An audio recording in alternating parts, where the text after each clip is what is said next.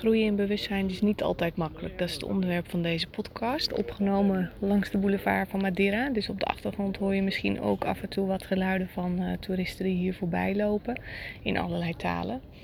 En zoals jullie weten neem ik altijd pure podcasts op. Dus uh, en niet met uh, editing. Dus dat betekent dat je altijd ook ja, hoort wat er op de achtergrond gebeurt. Omdat dat ook het leven is. Het bestaat niet uit steriel, steriliteit. Het bestaat gewoon uit dat wat er is.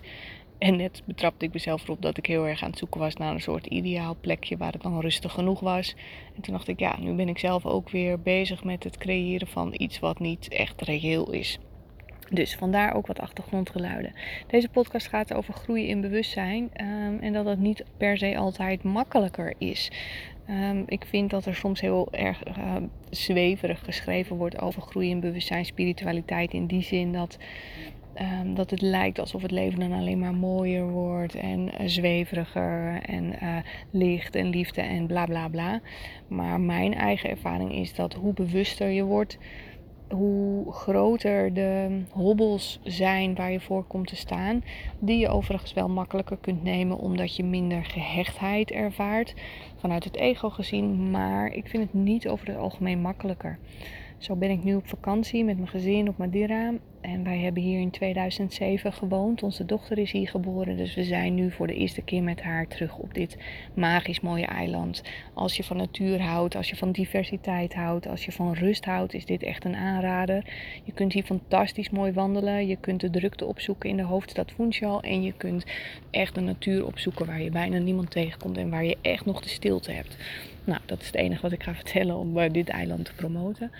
Maar groeien in bewustzijn, ik merk dat ik zelf ook deze vakantie weer tegen een aantal uitdagingen aanliep. Omdat ik merk dat ik uh, steeds gevoeliger word. Misschien herken je dat wel, dat je altijd al gevoelig was, maar dat je daar misschien niet per se bewust was uh, van wat is nou van jou en wat is nu van die ander. En ik merk steeds meer dat. Um, dat ik, dat ik dat gewoon in heb. En van de week gingen we bijvoorbeeld uh, een kleine wandeling maken. En um, nou, dit is een aanslag op mijn fysieke lichaam. Dus waar ik thuis wel altijd veel wandel, vooral vlak en dat wel red, is dit natuurlijk met alle heuvels en klimmetjes en de warmte en de hoogteverschillen echt wel een groot verschil. Dus op een gegeven moment stopten mijn benen er bijna mee en dan raak ik de coördinatie kwijt. En dan wordt lopen lastig. En dan als je me dan zou zien lopen, dan zou je denken, nou die heeft een aardige slok op. Terwijl dat dus niet zo is. Maar inmiddels weet ik ik ken mijn lijf, dus dan weet ik, ik ben over mijn grenzen gegaan en ik weet dat het weer goed komt. En daar, daar kan ik dan eigenlijk vrij snel weer gewoon de rust in vinden, meditatie doen, in mijn lijf zakken. En dan herstelt dat wel weer. Um, maar toen we aan het wandelen waren, voelde ik op een gegeven moment echt zo'n verdriet, enorm verdriet, alsof ik moest huilen. En ik, dan gaat er nu zo'n knopje aan, dan ga ik mezelf afvragen van, hé, hey, van wie is dit? Is dit van mij of is dit van de ander? En daar, toen heb ik mezelf verbonden met de natuur en toen ging het lopen ook wel weer. En later vroeg ik aan mijn man s'avonds van, toen we aan het lopen waren, vond jij dat moeilijk om mij te zien struggelen? Nou, dat gaf hij toen wel toe. Ik zeg, maar wat deed het dan met je? Ik zeg, werd je daar verdrietig van? Nou, zei hij, dat weet ik niet precies. Hij zegt, maar ik voelde me gewoon, ik vind het gewoon moeilijk om jou zo te zien. En hij zegt, dat doet wel wat met me. Dus wat er gebeurd was, was dat ik zijn emoties die hij op dat moment voelde, ervaarde, dat ik die dus zelf oppikte. Alleen dat ik dus een moment dacht van hé, hey, dit voel ik zelf. Omdat ik aan het lopen ben en mijn benen doen het niet zo goed. Maar daar heb ik eigenlijk geen last meer van. Dus ik vond dat echt een hele mooie uh, bewustwording om dus um, te bemerken dat ik steeds gevoeliger word. Maar dat het dus niet per se altijd van mij wordt. Maar volgens is dat dus best wel lastig als je zelf niet meer... Um, overweldigd raakt van bijvoorbeeld je lichaam dat uitvalt. Of als je niet meer overweldigd raakt, als je dingen niet kunt en als je ergens niet meer aan mee kunt doen. Dat ik, ik ben daar eigenlijk allemaal vrij gelaten over. Ik vind het niet erg om alleen te blijven. Ik vind het niet erg om ergens niet naar mee toe te kunnen. Ik voel me niet buitengesloten, dat soort dingen. Maar anderen hebben daar dus soms wel nog moeite mee. En dan is het dus een uitdaging om dus jezelf niet daarmee te gaan identificeren. Of dus te gaan denken dat dat gevoel dat zij ervaren, dat dat van jou is. Dus mocht je daar ervaring mee hebben of misschien nog niet bewust van zijn, is het dus echt, en dat heb ik al eerder gezegd, super belangrijk om jezelf de vraag te stellen: is dit van mij of is dit van de ander? En een ander voorbeeld is dat, um, wat ik zelf merk, is dat ik steeds um, ook gevoeliger en empathischer wordt naar andere mensen toe. Dus als je beseft dat jij en wij en ik en jij allemaal verbonden zijn, dat we met z'n allen verantwoordelijk zijn voor onze aarde, dan besef je ook steeds meer dat wat jij doet uh, effect heeft op de aarde. En wij hebben dus een all-inclusive restaurant. Dus dat betekent dat je in de ochtend gewoon kunt pakken wat je wilt. Misschien heb je het wel eens meegemaakt. En um, ik merk dat ik daar steeds meer moeite mee heb, steeds meer weerstand ervaar, omdat ik dan uh, steeds bewuster ben van hoe wij als mensen in um, de algemeenheid te veel van de aarde nemen. Uh, we hebben niet zoveel nodig, maar we nemen veel meer dan dat we nodig hebben.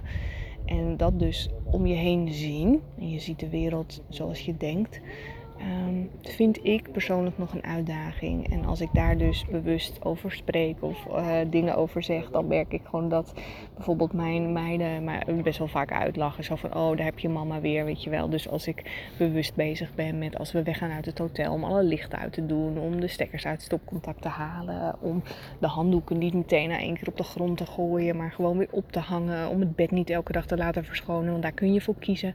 Dan, hebben ze, uh, dan lachen ze mij altijd uit en hebben ze zoiets van, oh daar heb je mama weer.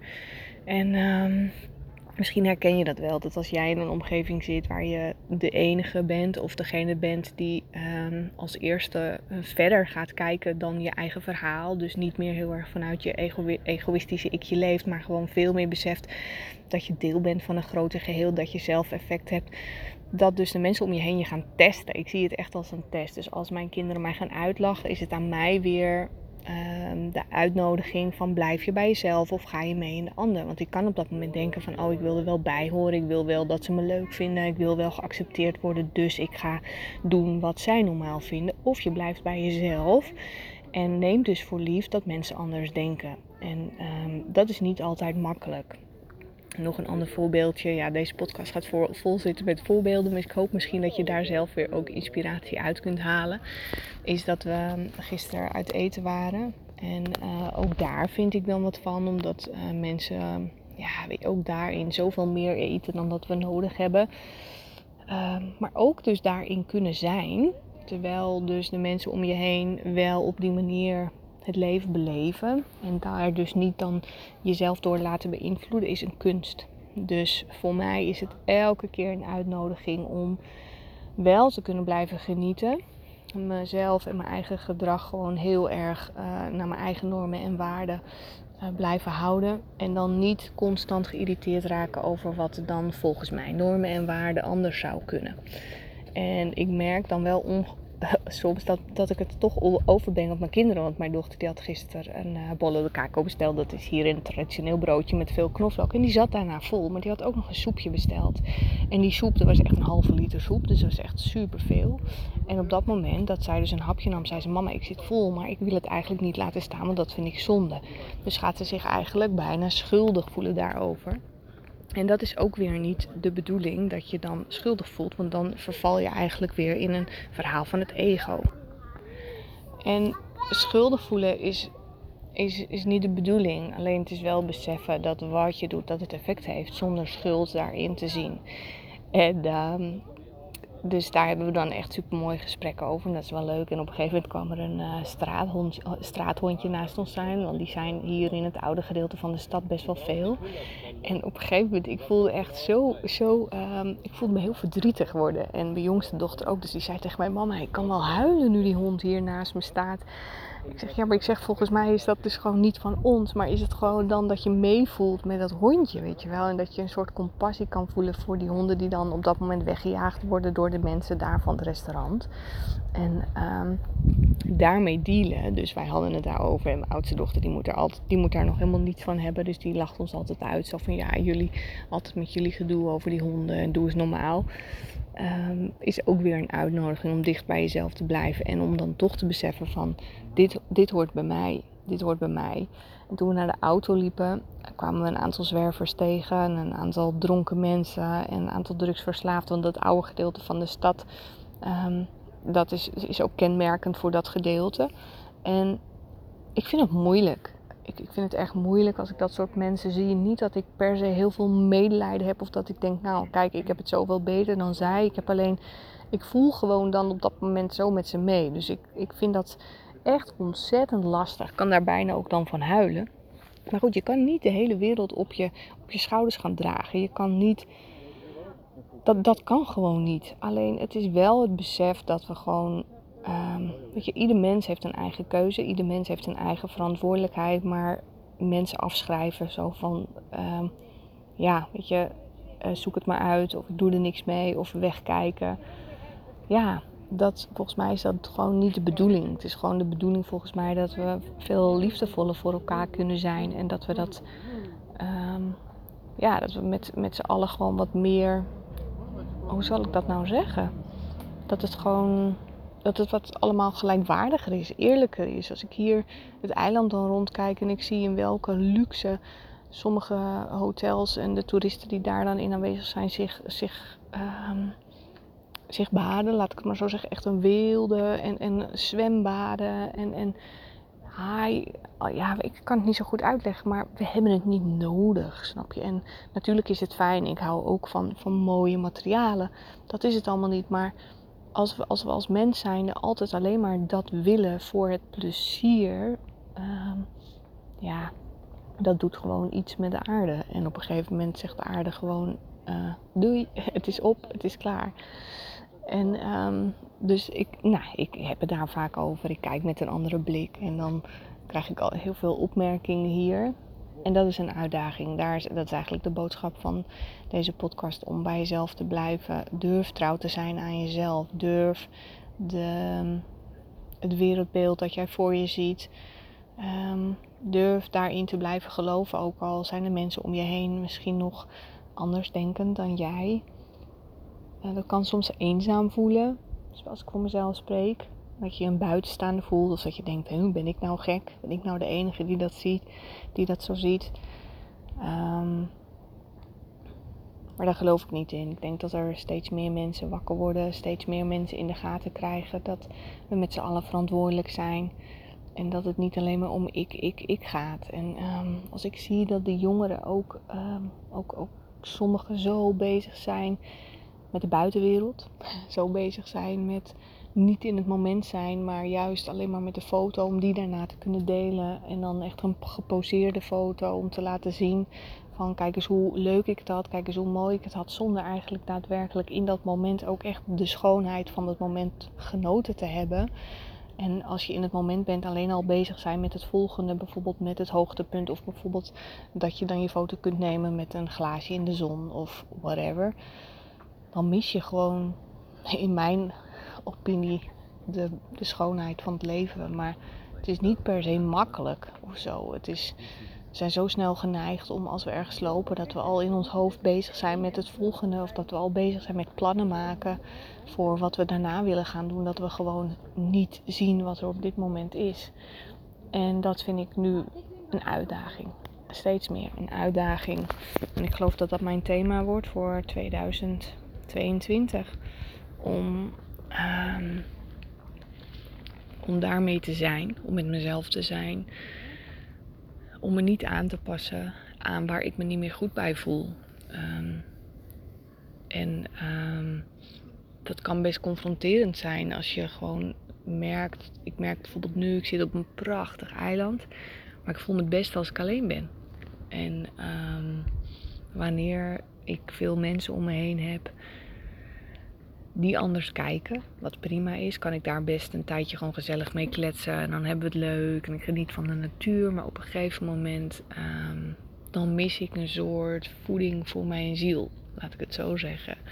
En um, ik denk dat het ook zo mooi is als je dat uh, in je leven kunt manifesteren. Dus dat je in, in je leven een wereld creëert waar jij blij van wordt, waar jij in kunt groeien. Mm, ja,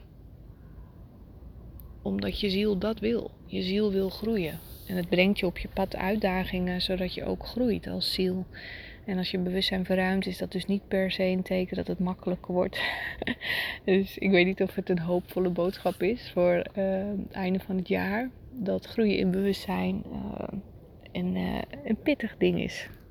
Maar weet dat als je de uitdaging aandurft te gaan, dat je het redt. dat het zoveel mooie dingen geeft, omdat je het leven intenser beleeft. Wel op alle fronten. Dus zowel het mooie als het minder mooie. Hoewel dat natuurlijk in essentie gelijk is. Het is net hoe je het wilt zien. Maar doordat je niet meer in je ego-verhalen gelooft, ben je er ook veel sneller uit. Kunt de gehechtheid veel meer loslaten. Je leeft niet meer van moment naar moment toe, omdat dat dan alleen de hoogtepunten zijn. Eigenlijk is je leven gewoon constant één grote flow. En. Uh, mijn wens is dat zoveel meer mensen op die manier in het leven gaan staan. Zich laten leiden door hun hart. De dingen gaan doen waar ze blij van worden. Met compassie voor de medemens. In plaats van alleen maar ik, ik, ik. Niet denken aan de ander. En tegelijkertijd is het wel de essentie om dicht bij jezelf te blijven. Uit liefde voor jezelf te leven. En dat wordt vaak nog verward met egoïsme. Maar wanneer je je constant aanpast aan de dingen of aan de mensen waar je zelf niet blij van wordt. Waar jouw hart niet blij van wordt dan is er een stuk dood. Een stuk dood van jezelf. En dan mis je de energie. En wanneer jij juist al je energie, je levensenergie gebruikt, dan word je een lichtje in het grote universum.